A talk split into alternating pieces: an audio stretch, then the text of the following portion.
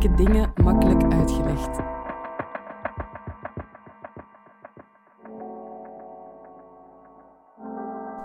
Dit is de podcast van Moeilijke dingen makkelijk uitgelegd. Wie de wereld wil verbeteren, moet wel begrijpen hoe die werkt. Daarom laten we in Moeilijke dingen makkelijk uitgelegd een expert 10 minuten aan het woord om een complex onderwerp uit te leggen. Deze keer legt Els de Smet uit hoe je sociale cohesie in stadswijken creëert. Uh, als ik die vraag makkelijk uitleg, dan zeg ik uh, door plekken te maken waar je elkaar tegen kunt komen, een praatje kan maken en samen iets kunt doen. En dat kan ook heel makkelijk gewoon door een aantal stoelen buiten te zetten en een tafeltje. En deze straatgenoten hebben een sociale interactie met elkaar. Dus het kan heel kleinschalig en informeel. Je ziet ook steeds vaker dat mensen bijvoorbeeld op zaterdagochtend uh, samen afval rapen in hun buurt. Uh, soms gaat dat via een groepsapp of een mededeling in een wijkrandje. Nou, en zo uh, ja, maak je contact en van het een komt regelmatig ook nog het ander. Um, nou ja, het kan dus informeel en kleinschalig, maar het kan ook georganiseerder. En ik uh, woon zo'n twintig jaar in Rotterdam en ik werk daar ook veel. En ik uh, neem jullie graag mee naar drie plekken in Rotterdam, waar uh, wel een stuk georganiseerder mensen samen bezig zijn met hun wijk verbeteren. Ik noem ook wel, dat zijn eigenlijk plekmakers. Hè? Dus als plekken maken is belangrijk om sociale cohesie te bevorderen.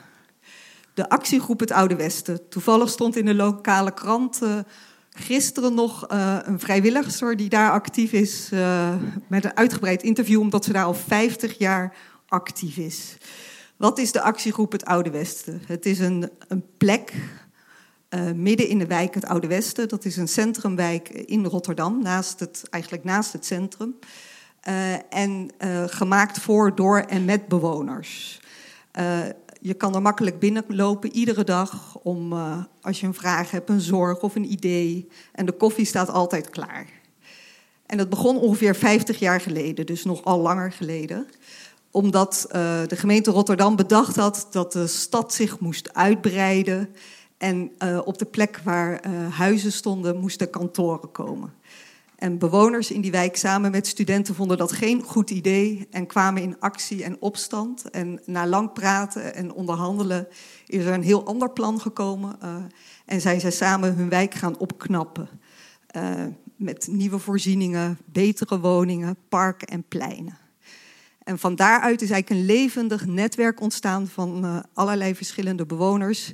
die zich nog tot nu toe en nog steeds inzetten voor hun wijk om die te verbeteren. Uh, en ze vernieuwen zich, zichzelf steeds opnieuw. Door eigenlijk goed te luisteren wat er leeft en speelt, uh, komen er steeds weer nieuwe onderwerpen waarmee ze aan de slag gaan. En al sinds een aantal jaar zetten ze zich in eigenlijk voor sociale verduurzaming van hun wijk. Dus ja, die energietransitie komt op hen af. nou ja, klimaatveranderingen. Nou, en hoe ga je daar eigenlijk als buurt met elkaar mee om? Een ehm, paar jaar geleden hebben we eigenlijk met een groepje mensen een van de lokalen in het gebouw opgeknapt en uh, werkplaats duurzaam van gemaakt. Daar vinden lezingen plaats, zoals hier, maar dan bijvoorbeeld wat betekent de energietransitie voor jou. Er zijn uh, workshops over uh, voedselverspilling. Hoe gaan we beter om met onze grondstoffen? Hoe zorgen we dat we niet extra dingen verspillen? En het is ook steeds, er is een bijeenkomst zoals dit en iemand heeft een idee en er ontstaat een klein groepje en dat breidt zich steeds verder uit. Zo is er ook al jaren een groep die aan de gang is met het vergroenen van hun wijk. Er zijn mensen die zich hebben opgeleid als energiecoach. Hoe ga je zuinig om met energie? Wat kan je makkelijk doen in je huis? Zij komen weer bij andere buren of of bewoners in de wijk, sommigen die ze nog niet kennen. En zo ontstaat er steeds verder, dat netwerk breidt zich uit. Eén keer in de zoveel tijd uh, gaan ze in het park staan met een weggeeftafel. Mensen kunnen spullen brengen en weer meenemen. En zo ontstaan er steeds uh, interacties. En dit vanuit een plek in een wijk, uh, nou ja, die stap voor stap is ontstaan. Een tweede voorbeeld is Leeszaal Rotterdam-West. Uh, ongeveer tien jaar bestaat hij nu. En dat zijn eigenlijk allemaal plekken die ook door, door bewoners zelf zijn gemaakt, uh, waar ik jullie uh, in meeneem. En um, nou, tien jaar geleden ongeveer had de gemeente bedacht dat alle wijkbibliotheken maar gesloten moesten worden. Want we gingen, dat, we gingen digitaal lezen en je kon ook wel dat ophalen in het centrum. Nou, een aantal mensen hadden zoiets van, ja, dat is geen goed idee. Want juist een wijkbibliotheek heeft ook een belangrijke, betekenisvolle plek in de wijk. Juist ook voor kinderen die niet zo ver kunnen eh, gaan, zeg maar, met de metro of het openbaar vervoer. Maar ook om rustig een krantje te lezen of ja, toch ook er te zijn, je huiswerk te maken.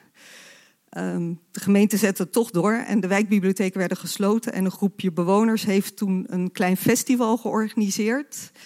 En daarin boeken, vroegen ze aan mensen, neem je boeken mee. En je kon weer boeken uh, terug meenemen. En dat werkte eigenlijk heel goed.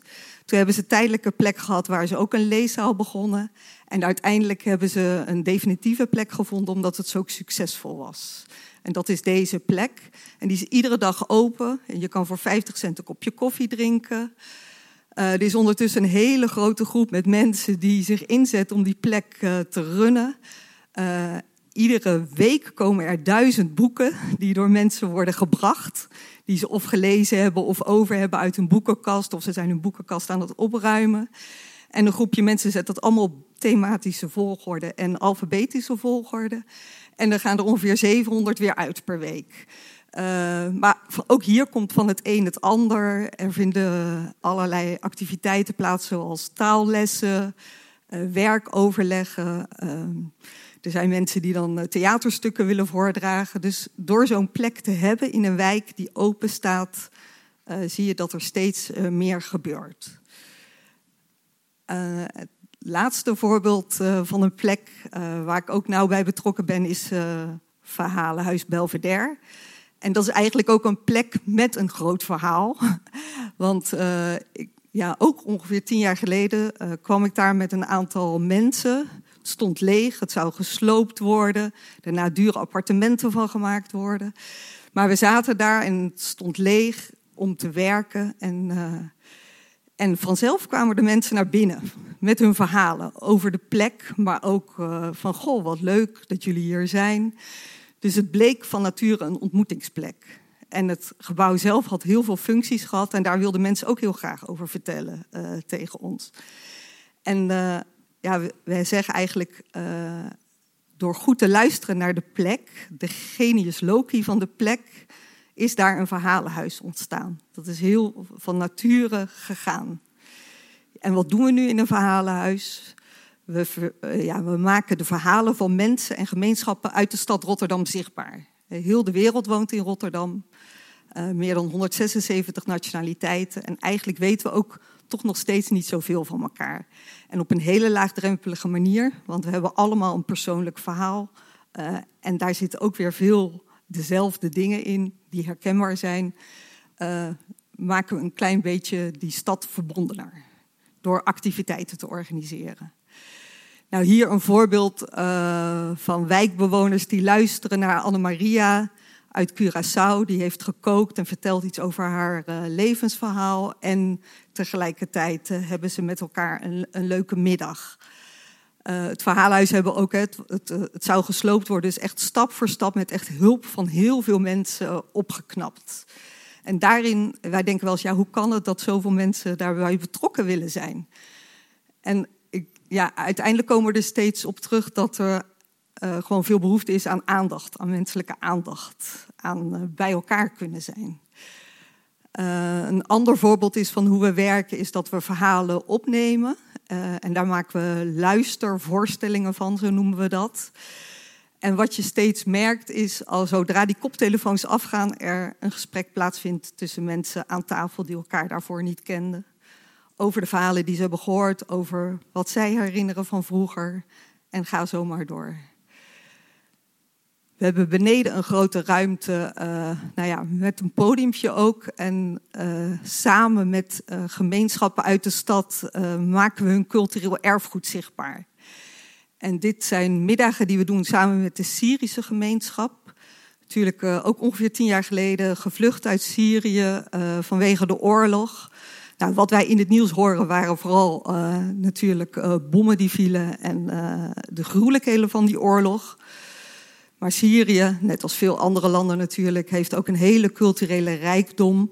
En uh, een aantal Syrische mensen hadden zoiets van, ja, kunnen we dat ook tonen en delen en zichtbaar maken?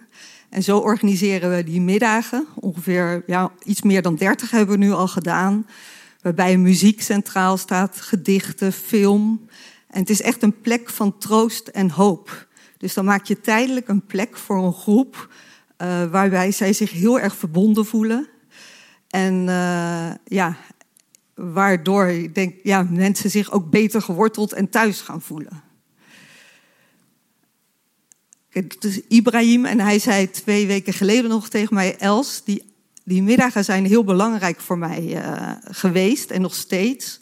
Want uh, ik heb eigenlijk alle vrienden die ik nu in Rotterdam ken, Syrische mensen, maar ook Nederlandse mensen, tijdens die middagen ontmoet.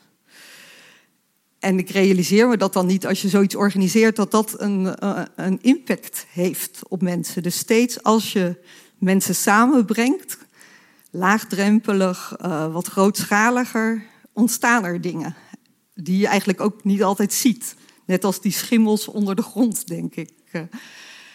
Uh, ja, dan kom ik terug eigenlijk weer bij de vraag en het antwoord. Uh, ja, ik nodig jullie eigenlijk heel graag uit om bijvoorbeeld naar Rotterdam te komen, om uh, die plekken te ont ontmoeten en te ontdekken. Maar ook om je in Brussel of in je eigen wijk op zoek te gaan en te ontdekken of er plekken zijn. En ik nodig je ook uit om zelf plekken te gaan maken, tijdelijk of, of, of structureel. En vergeet niet, hè, het begint altijd klein.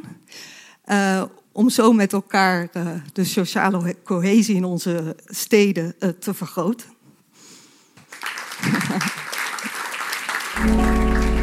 Je luisterde naar Moeilijke Dingen Makkelijk Uitgelegd.